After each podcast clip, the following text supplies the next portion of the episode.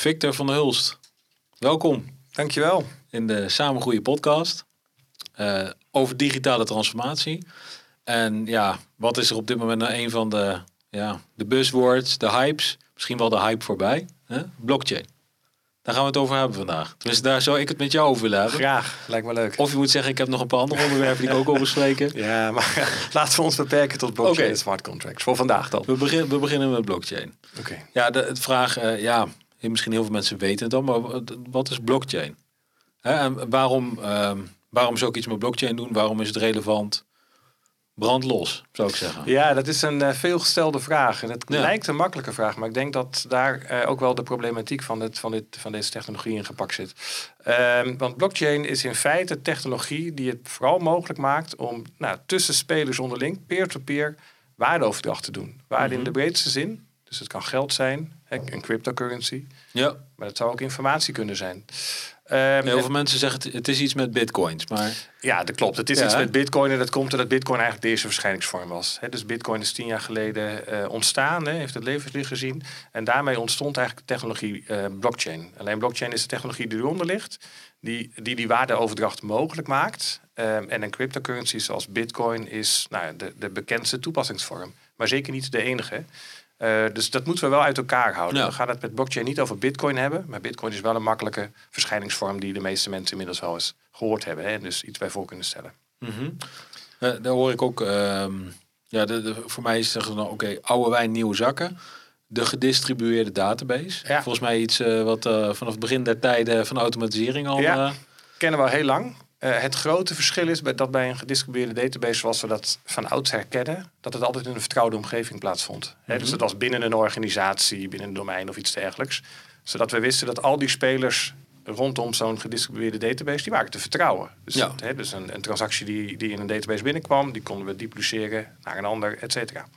Wat we nu zien, met name dus eh, ontstaan met Bitcoin, Ja. is dat in zo'n netwerk de andere spelers op voorhand niet te vertrouwen zijn. Er is geen centrale partij, geen derde partij, die toezicht houdt op wat zijn nou de juiste transacties, wat zijn transacties die valide zijn en wat niet.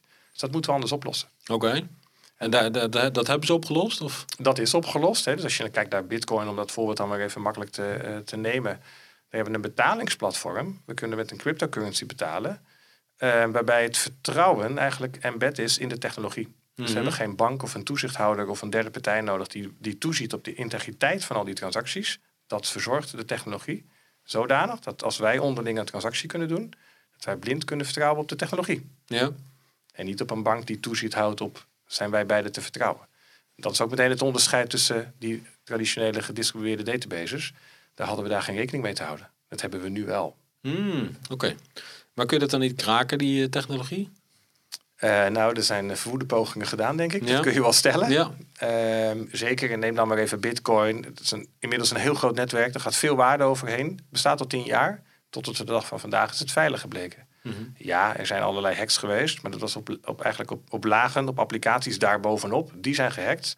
Waardoor men transacties kon uitvoeren op het Bitcoin-netwerk onder iemand anders een naam. Ja, oké. dat klopt. gewoon- Maar het netwerk zelf, dus de technologie, is tot nu toe veilig gebleken.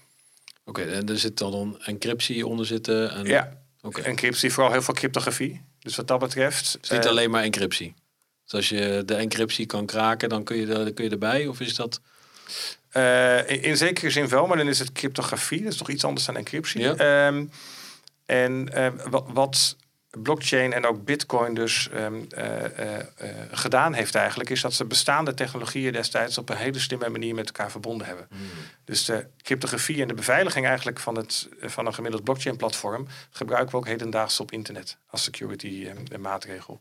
Dus als we het, nou, de, de blockchain van Bitcoin zouden kunnen kraken, dan hebben we denk ik een groter probleem als, eh, als IT dan louter eh, de gekraakte blockchain. Ja. Dan ligt waarschijnlijk de hele security eh, op straat. Oké, nee, ik hoorde laatst iemand zeggen, nou wacht maar tot we de quantumcomputer hebben. Dan Ja. kraken we alle encryptie die er is. Dat En klopt. dan, Dat is wel een, dat is een gevaar. En nogmaals, dan zal ik me dus over Bitcoin nog het minst zorgen maken. Oké, ja precies. Dat zijn dan, ja ja. Daar, daar denken we dan na een tijdje aan van, oh ja, dat hadden we ook nog. Dat hadden we ook nog inderdaad. ja. Maar dan ligt alles wel op straat. Oké.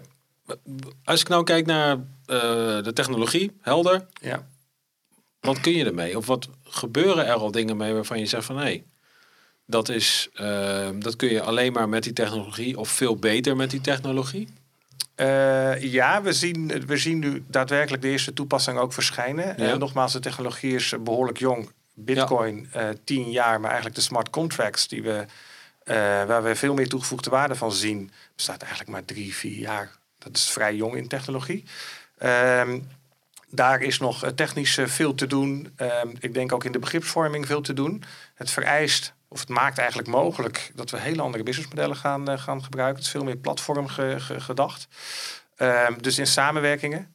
En een van de toepassingsvormen die je nu het meest voorbij ziet komen, in meer of mindere mate, is met name het kunnen werken met een gedeelde administratie. Mhm. Dus partijen in een keten die samenwerken, ja. doen ze nu ook al, zie je toch dat iedereen zijn eigen administratie heeft. Waarbij we elkaar continu op de hoogte moeten stellen. wat heb ik in mijn administratie en wat heb jij in mijn administratie? Een uh, transportbedrijf bijvoorbeeld. Bijvoorbeeld in, de, in supply chain, dat een transportbedrijf. Hè. Dat denk aan de vrachtbrief. Dat is, dat is soms ook nog gewoon een papieren document, hè, om het nog maar heel erg analoog te maken. Um, blockchain maakt het mogelijk om met een gezamenlijke administratie te werken, omdat we erop kunnen vertrouwen dat de ander niet eenzijdig de data kan aanpassen. Dus we kunnen alleen een staatsovergang doen als we het daar beide over eens zijn. Mhm. en, en dan kunnen we dus in een gezamenlijke administratie werken. Dat maakt het proces vele malen efficiënter, transparanter en dus vertrouwder voor iedereen. Ja. Daar zie je nu de eerste initiatieven uh, ontstaan. Vaak nog wel in een gesloten setting. Dus, dus inderdaad in de supply chain setting zijn het de, de spelers in die keten die gezamenlijk een blockchain-platform ja. gaan gebruiken. Dus dat kunnen wij als, als buitenstaander nu niets van zien. Een soort van uh, private blockchain. Een private blockchain, precies. En, eh, net zoals dat we 20, 25 jaar geleden veel intranets en extranets zagen. Dat zien we ook niet zo heel veel meer. Ja. Zo, zo heeft internet zichzelf ook ontwikkeld. Dat zien we nu ook met blockchain. Nou ja, dat was misschien een soort van tijdelijke verschijningsvorm. Net zoals met, met cloud, hybrid cloud. Nou, ik denk dat het meer een tijdelijke verschijningsvorm is. Dat is toch ook een mooie eh, metafoor. En dat uiteindelijk wordt het allemaal publiek.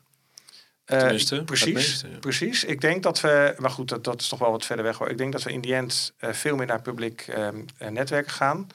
Of in ieder geval private netwerken die aan elkaar gekoppeld kunnen worden. Daar mhm. zie je nu ook wel wat experimenten mee. Ehm, maar publiek, zeker in de huidige vorm, heeft nog wel wat uitdagingen rondom privacy, Transparantie is niet altijd, dat willen we wel, maar in de praktijk ook vaak weer niet. Hè.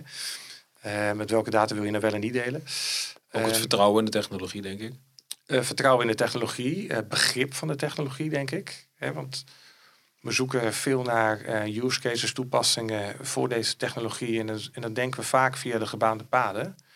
Um, en um, waarbij dan vaak ook onze de, de, de, klanten die met deze vraag komen mee proberen te wakker te schudden, laat ik het zo zeggen, is van joh, maar hoeveel situaties ken jij nu in jouw proces waarbij je daadwerkelijk met een gezamenlijke administratie werkt, zonder dat daar een derde partij bij betrokken is om die integriteit te waarborgen? Ja. En die zijn er niet. Ja.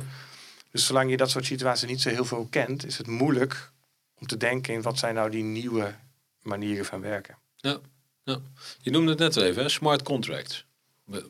Wat zijn het? Slimme contracten, zou je zeggen, maar wat... ja, het, het, uh, groot, uh, de, de, de term is niet zo gelukkig gekozen. Want smart hè, wordt vaak, vaak vertaald naar slim. Dat suggereert dat er heel veel kennis of zoiets eigenlijk in vastgelegd kan worden. Ik denk dat dat niet helemaal het geval is. Het is meer programmeerbaar in die zin smart. Yeah. En uh, contract meer in de zin van het is code. Je kunt het programmeren. Niet, niet letterlijk in de zin van het is legally binding. Het is een wettelijk contract. al kan het wel. Um, feitelijk is het logica opgeslagen op een blockchain. En een logica code in de zin van um, uh, als dan condities. aanbod en acceptatie. Ja, dat zou je zo kunnen vastleggen. Ja, ja, Precies. Maar ook de condities die nodig zijn binnen aanbod en, en binnen zo'n contractvorm. Ja, um, dus je zou ook kunnen zeggen, eigenlijk creëren we daarmee conditionele transacties. En die transactie kan geld zijn, maar het kan ook informatie zijn, maar we maken het conditioneel.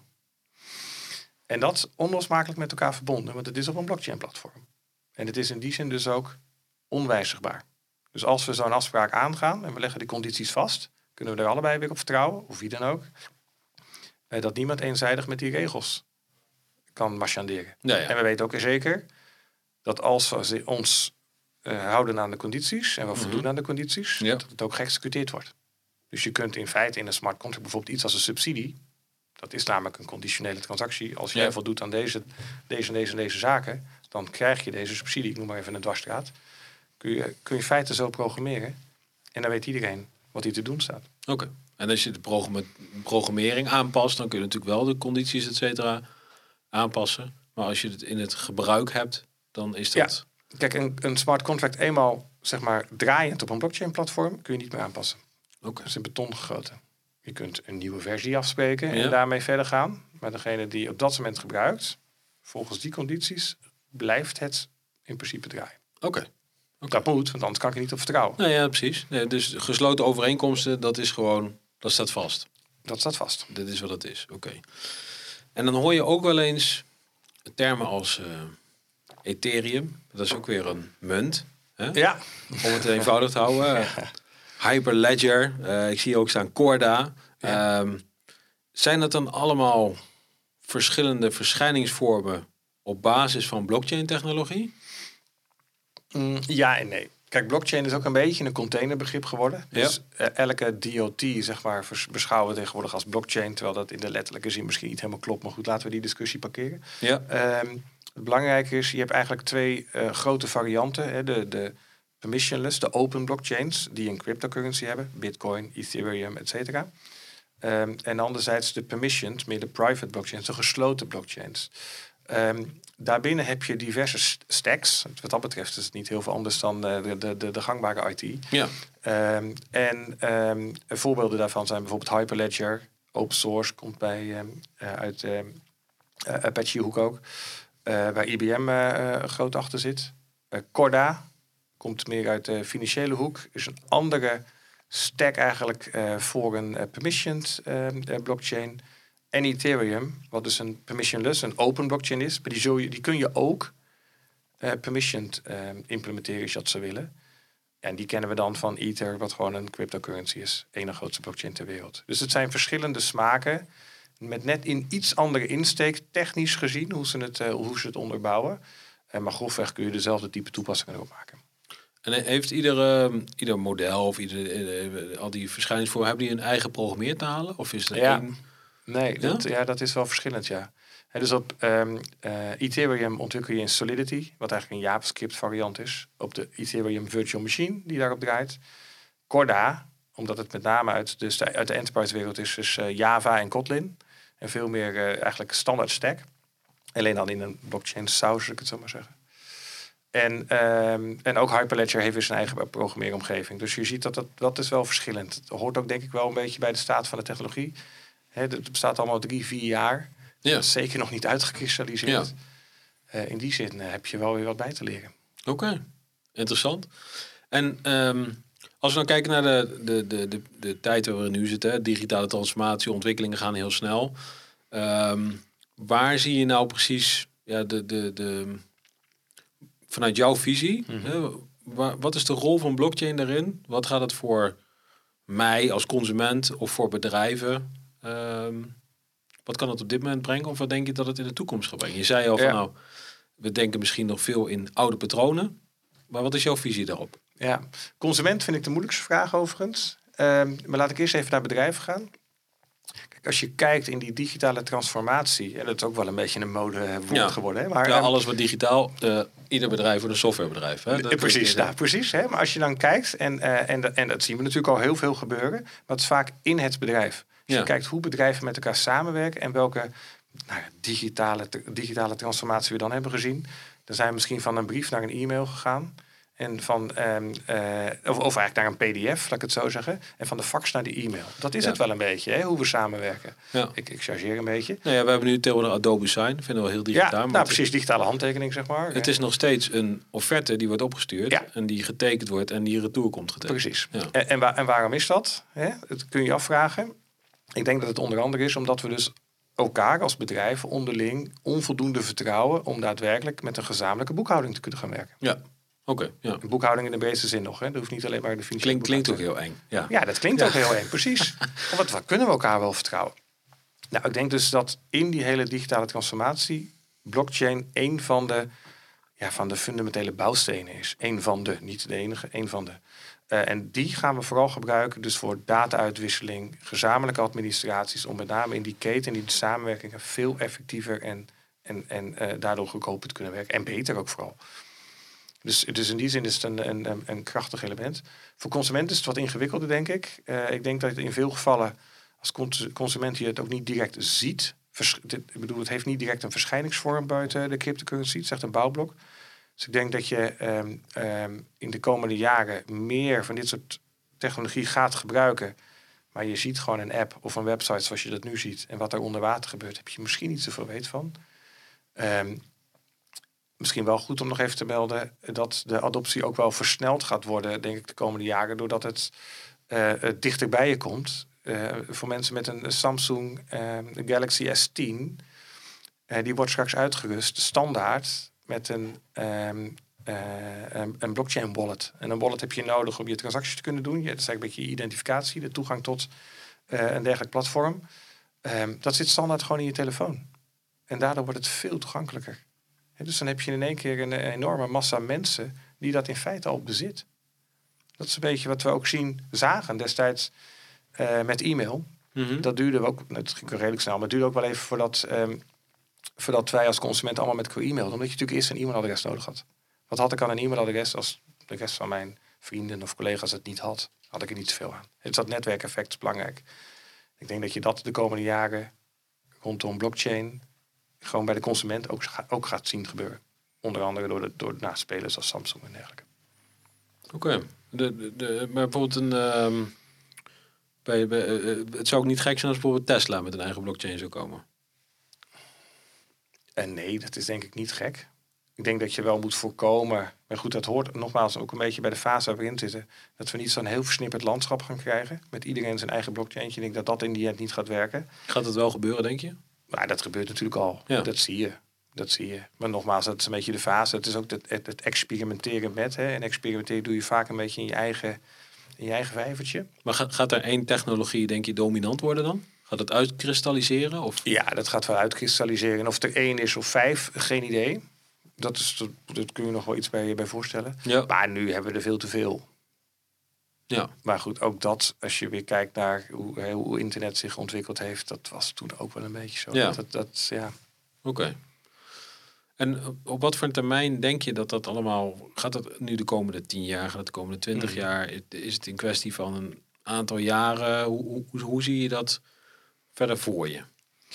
Um, ik denk dat we, dat we de komende jaren hier veel meer van gaan zien. Ik denk dat we, dat we 2019, 2020, dat je nu de wat grotere experimenten ook echt in het, in het, in het zakelijke domein gaat zien.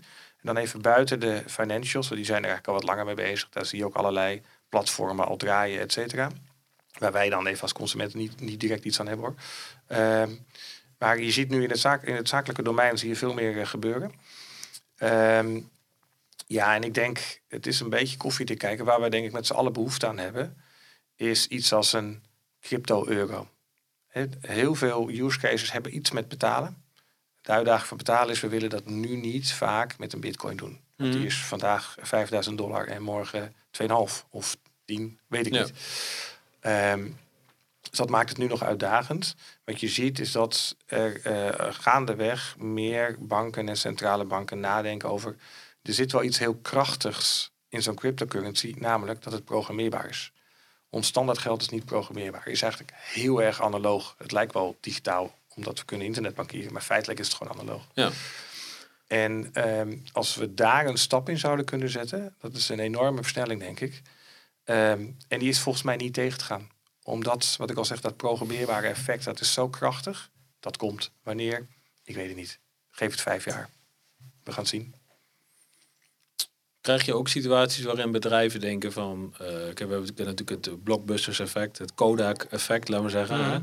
uh, wel de goede strategie, maar net de verkeerde timing. Ja. Dat daardoor ook echt een enorme verschuivingen kunnen plaatsvinden. Dat daardoor ja, e-, echt nieuwe munteenheden zouden kunnen ontstaan. Want natuurlijk, er zijn natuurlijk enorme krachtenvelden daarin. Ja. Uh, politiek, overheden, et cetera. Zie je dat die ook al daarmee bezig zijn, de overheden, met ja, die experimenteren? Ik denk dat een van de grootste als ik het een sector mag noemen, sectoren die bezig is met eh, blockchain-experimenten, dan is het juist de overheid. Oké. Zeker in Nederland. Echt een, grote, grote speler daarin. Is Nederland vo- vooruitstrevend daarin? Ehm, ik denk dat Nederland eh, wel een van de koplopers is, maar eh, met name ook Anglo-Saxische landen, die een hele sterke fintech-positie over het algemeen hebben. Daar gebeurt ook echt heel veel. Oké. Ja. Oké. Hey, en stel nou dat ik meer zou willen leren over blockchain. Waar zou ik moeten beginnen? Of ik wil binnen mijn bedrijf, stel ik heb een eh, transportbedrijf of ik eh, een financiële instelling en ik, ik, ik zeg van ik, ik zou er iets mee willen doen. Hoe zou je Ja. dat aanpakken? Ehm, nou, begrip is wel het belangrijkste, denk ik. Dus zorg dat je tenminste begrijpt waar deze technologie over gaat. Wat het, wat het inhoudt, wat het wel en niet kan ook vooral. Het kan ook heel veel dingen niet, hè.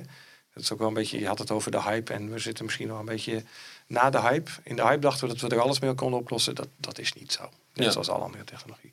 Eh, dus ik denk dat kennis heel belangrijk is. Dus ik zou, ik zou ja, eigenlijk willen aanraden, begin met een goede training. Zorg dat je begrijpt waar het over gaat. eh, om van daaruit verder te kijken. Ehm, en eh, de kracht in mijn beleving zit met name in die smart contracts. Dus ik zal vooral dan gaan kijken van oké, wat zijn dan smart contracts? Hoe kan ik die dan inzetten? Hè, hoe doe ik dat enerzijds technisch, maar anderzijds ook wat betekent dat business-wise en qua businessmodel. Ehm, legal, niet onbelangrijk ehm, eh, element. Ik zal daar vooral op inzoomen. En dan ja, in zo breed mogelijke setting ehm, eh, op zoek gaan naar use cases die interessant zijn om te verkennen met deze technologie en vooral experimenteren. Dus echt experimenteren in deze fase. Ja. Ja. Ik zit al gelijk te denken aan een verzekeringsmaatschappij. Is Ja. prima ze- volgens bepaalde Ja, polisvoorwaarden. we zijn er ook wel mee bezig hoor. Ja, dus dat gewoon vastleggen en Ja. eh, je weet gewoon of je Ja. wel of niet verzekerd bent wanneer je het hebt, Ja. aan- bent aangegaan. En, ja. ja, mooi. Goeie, goeie technologie zou ik, dan, Zeker. eh, zou ik dan zeggen. Zeker. Niet laten liggen. Nee? Grote kans, denk ik. Ja. Goed. Zijn er nog dingen die jij eh, benoemd zou willen hebben, waarvan je zegt van dat is interessant om nog te vermelden? En nou, ik denk dat we alles wel ongeveer aangeraakt hebben. Ik denk dat het, het, het, het cruciale, en het, dat is tegelijkertijd ook soms wel lastig om, om goed te realiseren van, van blockchain en smart contracts, is dat, dat we dus hedendaags enerzijds vaak werken met een, met een information flow, een informatiestroom, Ja. en anderzijds met een financiële stroom. En die zijn op dit moment gewoon volledig gescheiden. En denk maar eens na in je eigen organisatie wat we voor een controlemechanisme hebben moeten bouwen om dat op elkaar aan te sluiten. Continu. Met blockchain is dat straks niet meer nodig. Want die informatie, dat zijn je smart contracts, zeg maar. En je financiële flow is hetgeen wat je met een smart contract kunt, eh, kunt ja, eh, eh, overdragen. Ja. Dat zit onlosmakelijk met elkaar verbonden. Dat is een totaal andere manier van werken. Totaal ander businessmodel. En met name controle ingebouwd in het platform. In plaats van in de auditor, de, de controller, et cetera. Dat maakt wel uit. Oké. Dus iedereen die er nog niet mee begonnen is, kijk er goed naar. Juist. En eh, het, het waait niet over. Het gaat niet Het weg. waait niet over. Het zal onze tijd niet duren. Goed. Victor, dankjewel. Mooi Graag gedaan. En Dankjewel. eh, tot snel. Tot snel. Dank je.